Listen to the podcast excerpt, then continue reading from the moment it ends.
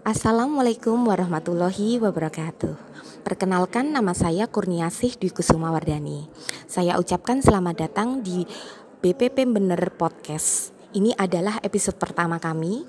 Kami akan mengangkat tentang profil BPP Bener selaku pelaksana kegiatan IPDMIP.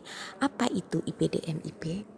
IBDMIP adalah singkatan dari Integrated Participatory Development and Management of Irrigation Project atau bahasa sederhananya proyek sistem pengairan terintegrasi. BPP Benar terdiri dari 12 personel yang terdiri dari 3 PPL PNS, 4 PPL CPNS, dan 5 PPL THL TBPP.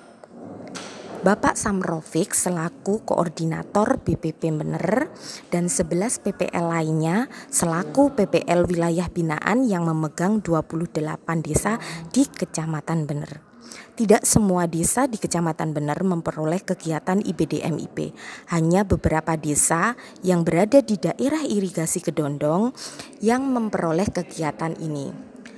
Desa-desa tersebut yaitu Desa Ngasinan, Desa Sidomukti, dan Desa Sukowuh juga Desa Legetan.